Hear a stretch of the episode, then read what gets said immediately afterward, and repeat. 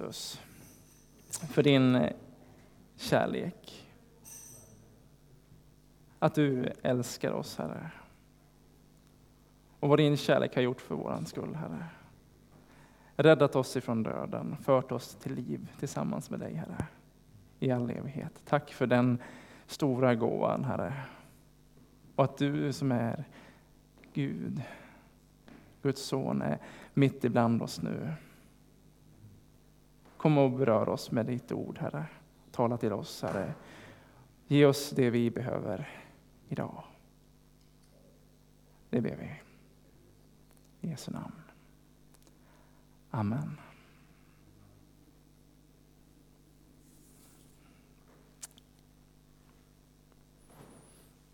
Hej igen.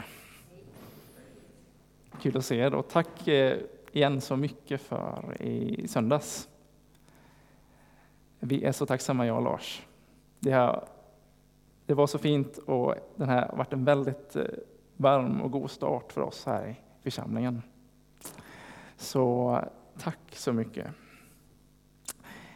Jag tycker att det är roligt när man kommer här och svänger in och parkerar bilen idag. Det är roligt på tisdagarna när vi nu kör igång vår arbetsvecka, jag och Lars.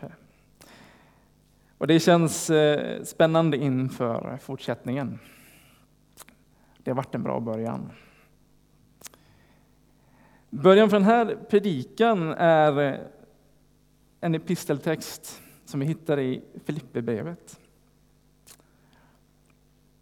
Och när jag började läsa Filipperbrevet så kom jag på att det var ju där också det började för mig, när jag var ung. För jag fick nämligen det här tipset att när jag fick en bibel så sa man till mig, du kan börja med Filipperbrevet. Det är ett bra ställe att börja på. Det är lite lättläst tyckte man och det är ganska glatt också, Filipperbrevet. Så det var här jag fick höra, jag tycker att det är ett ganska bra tips. Jag tänker att något av evangelierna också låter bra att börja med. Men Filipperbrevet är inte så dumt faktiskt.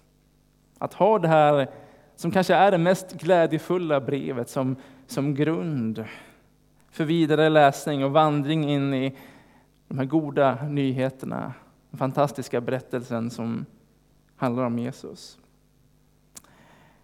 Så vi ska ha det här som lite grund idag, en början, texten i Filipperbrevet som vi läser ifrån kapitel 1, vers 20 26. Där står det. Jag väntar och hoppas att jag aldrig ska stå där med skam, utan att jag nu som alltid öppet ska våga lovprisa Kristus med min kropp, vare sig den ska leva eller dö. Ty för mig är livet Kristus och döden en vinning. Såvida inte ett fortsatt liv här på jorden ger mig en vinst genom mitt arbete. För då vet jag inte vad jag ska välja. Jag slits åt båda hållen. Jag längtar efter att få bryta upp och vara hos Kristus. Det vore ju det allra bästa. Men för er skull är det viktiga att jag lever kvar här. Det är jag övertygad om. Och jag vet att jag kommer att bli kvar och stanna hos er alla för att hjälpa er till framsteg och glädje i tron. Och genom mig, genom att jag kommer till er igen, ska ni bli allt stoltare över att tillhöra Kristus Jesus.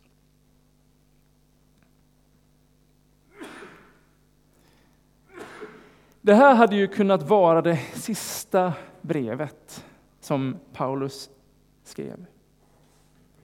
Det kan ha varit det sista överhuvudtaget som Paulus fick göra, för det Lars var inne lite grann på, det är att förmodligen är det här skrivet utifrån en fängelsecell, där Paulus sitter.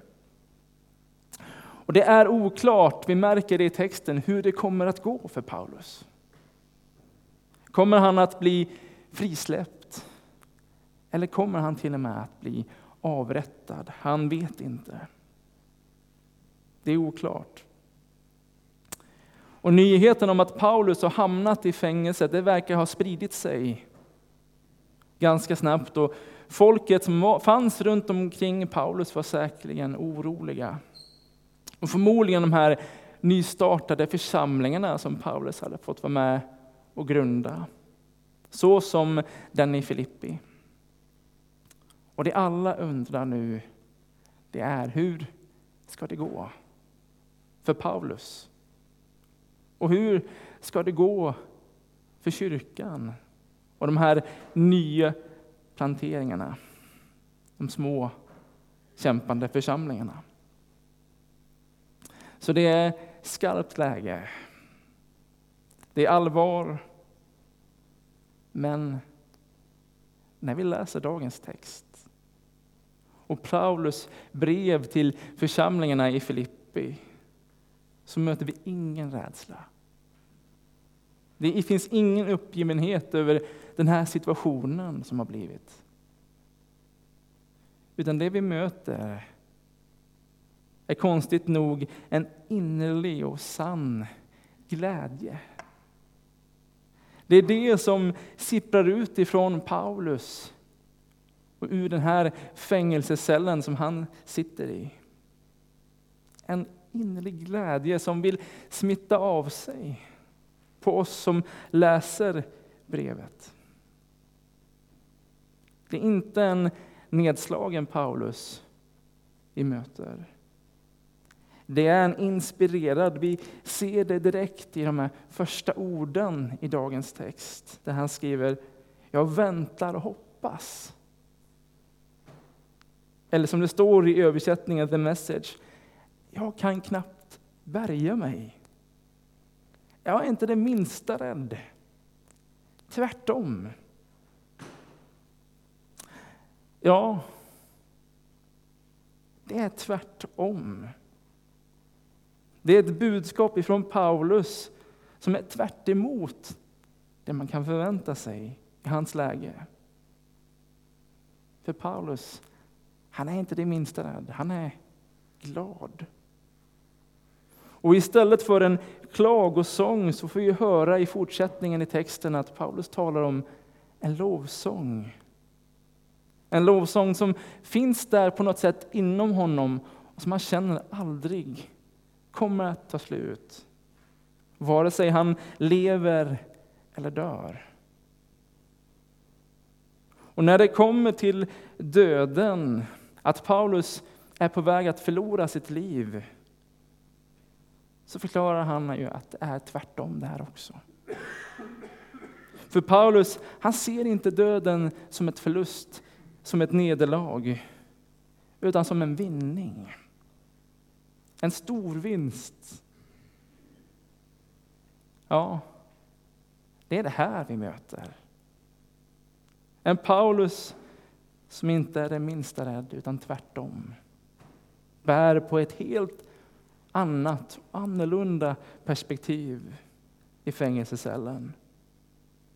Ett perspektiv grundat i glädje och hopp. Vi ser en grundmurad trygghet i Paulus som inte kunde rivas.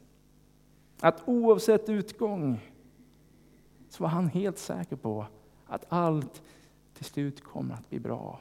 Väldigt bra. Och jag vet inte hur många det är som känner så här idag. Att allt till slut kommer att bli bra. Men vem vill inte ha det så här i sitt liv? Har det här i sitt liv som Paulus har hittat, den här grundtryggheten, grundtonen av hopp och glädje i hans liv. Och det är verkligen tydligt i vår text var allt det här kommer ifrån i Paulus. Och vem det är som gör all skillnaden i, i Paulus liv. Ja, han nämner honom nästan i varje vers. Om och om igen så säger Paulus Kristus. Det är Jesus Kristus.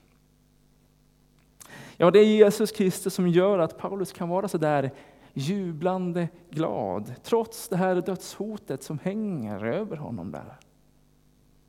Och det är Jesus som gör att Paulus känner att han kan leva livet trots att han är inlåst i en liten cell. Sitter fast. Ja, för Paulus så betyder Kristus allt. Kristus är livet, skriver Paulus. Hela livet, var han än är. Och så skriver han att döden är en vinning just för att den innebär att få bryta upp och vara med Jesus. Ja, det är Kristus och det är Kristus, Kristus som påverkar och förändrar allt i, i Paulus liv, i synen på döden och livet. Och det är Kristus som han vill uppmuntra oss till att söka efter. Om vi vill ha det här som han har i sitt liv. Det är Jesus som gör all skillnad. Och det är det budskapet som vi möter också i dagens evangelietext som Birgitta läste för oss tidigare i gudstjänsten. Men i den här berättelsen om Jairus och hans dotter så är det ju ännu värre ställt än vad det var för Paulus i fängelsecellen. För när vi kommer in i den berättelsen så handlar det inte om ett dödshot. Det handlar om ett dödsbud. Din dotter är död, kommer man och säger till Jairus. Du ska inte besvära mästaren längre. Så här har det, det värsta tänkbara redan hänt. Jairus egna barn har dött. En flicka i, i 12-årsåldern och vem skulle inte krackelera? Falla ihop totalt om vi stod i hans ställe. Och visst är det mycket gråt och högljudd klagan i den här texten och det är många som är helt utom sig. Jairus har varit där också. Men konstigt nog så möter vi något annat i den här sista texten. Att han som har all anledning till att vara helt förkrossad har hittat någonting som är svårt att förstå. Men förklaringen som vi hittar är att det måste ha funnits någonting hos Jesus. I hans närvaro, i hans lugnande ord man säger till Paulus, var inte rädd. Tro bara. Ja, Jesus verkar göra all skillnad för Jairus. Livet är Kristus, skriver Paulus. Och det är ord som inte handlar om något annat än att Jesus, Guds son, har kommit med sitt liv för att finnas mitt ibland oss, leva med oss här och nu. Det är också det här som Jairus får se. Att Jesus, han är inte Gud långt borta någonstans. Utan han är Gud med oss. Att Gud har kommit. För att vara närvarande mitt i våra liv. Mitt ibland oss. Och det är det stora när vi samlas, att Jesus, han är här mitt i våra liv när vi samlas. Det är det som är grejen. Det är det som gör all skillnad för oss. All skillnad för Paulus, där han satt i fängelset. All skillnad för Jairos i hans fruktansvärda situation. Ja, att Jesus finns där gör på något sätt att Jairos rädsla hålls tillbaka. Och att hoppet fortfarande lever. Även fast hans dotter är död. döden. Den som är så hemsk och slutgiltig för oss. Men där vi kan se en stängd dörr ibland, så ser Jesus något annat. Här i berättelsen så ser Jesus inte en stängd dörr, han ser en öppning. För i Jesus ögon är inte den döda flickan död. Hon sover, säger han. Och sen så får vi en sån där vacker bild med oss. Någonting som jag tror många av oss känner igen i våra egna liv. För vem har inte blivit väckt på morgonen? Och de här enkla orden, stig upp. Stig upp. Det är dags att vakna. Och genom dessa enkla, vardagsnära ord så sker ett väldigt vackert under. Den här lilla flickan i berättelsen står upp, kliver upp i sin säng. Och hon är hungrig. Så ge henne något att äta, säger Jesus. Det är så vardagsnära, så otroligt stort. Och en så gripande och vacker historia. Men som inte är tänkt att bara stanna vid det. Utan den kommer till oss också. Laddat med ett budskap som vill beröra våra liv på djupet. För berättelsen om Jairus dotter vill visa för oss det underbara, fantastiska och vackra som tron på Jesus leder till och vill med oss. Att det är vår räddning också. Ur dödens grepp, ur rädslan det som håller oss tillbaka. Det är oss också som Jesus vill föra till ett nytt liv tillsammans med honom. Och Det här är ett budskap som vi kallar för evangeliet. Som betyder goda nyheter, men som också kan översättas till det glada budskapet. För det är ett budskap som kommer till oss fullastat med glädje. En glädje som vill fylla oss. Som tar emot budskapet, som tar emot Jesus i våra liv. En glädje över vem han är och det fantastiska som han har gjort för oss. Det vill fylla oss, evangeliet. Glädjen. Så Låt oss fylla oss. Om och om igen påminna oss om det fantastiska som Jesus har gjort och den fantastiska som han är mitt ibland oss. Fylla oss mer och mer i våra liv. Och det är också det som ligger på Paulus hjärta i Filipperbrevet. Visst läste vi att Paulus han längtar efter att få bryta upp för att bara få vara med Kristus. Men sen så skriver han ju också så här. För er skull är det viktiga att jag lever kvar här. Det är jag övertygad om.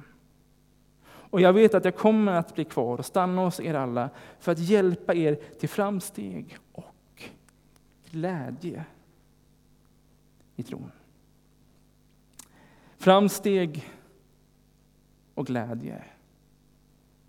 Paulus såg att det behövdes då. För det var en tuff tid för den första kyrkan. Det var en, en orolig tid. Men framsteg och glädje behövs också nu. För oss, för kyrkan i Sverige idag. Framsteg, vi hör det ofta. Det behövs. Kyrkan är i en kris, kan man säga. Men låt oss inte glömma glädjen. Glädjen i tron. Glädjen i att vi tillhör Jesus Kristus. För glädjen den är inte bara ett litet trevligt plus i kanten. När det kommer till vår tro. Den definierar hela evangeliet som är det glada budskapet om Jesus Kristus. Så hur har vi det med glädjen? Jag kommer att tänka på en gammal bibellärare som jag hade när jag var ung. Han var bra tycker jag. Jag höll inte alltid med honom ska sägas. Och ofta sa han saker som flög lite grann över mitt huvud, som jag hade svårt att förstå. Men på många sätt så var han ändå, trots sina brister, en förebild för mig. Kanske framför allt just när det kommer till den här glädjen i tron. Jag kommer ihåg en gång att jag hörde berättas om honom, att han hade kommit till jobbet. Han hade satt sig ner i kontorsstolen, han hade suckat och klagat lite grann. Varit upp, uppenbart tyngd av livet. Och hur då någon då skulle ha frågat honom, hur har det med glädjen egentligen? Och hur han då, mitt i allt tyngd, plötsligt började le. Och att han sa, som var så typiskt för honom, de här orden. Glädjen strömmar alltid från tronen. Och även om livet var tufft så var han glad där. Kunde hitta glädjen. Glädjen strömmar alltid ifrån tronen. Och jag tänker att även om det är ett ganska hyfsat bra tips, det här med att börja med Filipperbrevet när vi närmar oss budskapet om Jesus. Så är Filipperbrevet också ibland ganska svårt att förstå.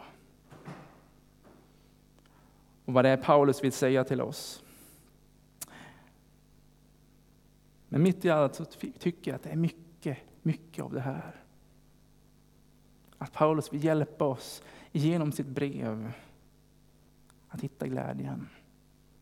Se glädjen, en livsglädje som han menar alltid strömmar ifrån Jesus. En livsglädje som vill fylla oss och våra liv och sippra ut också genom oss vidare Ute i vår värld. Amen. Vi ber tillsammans.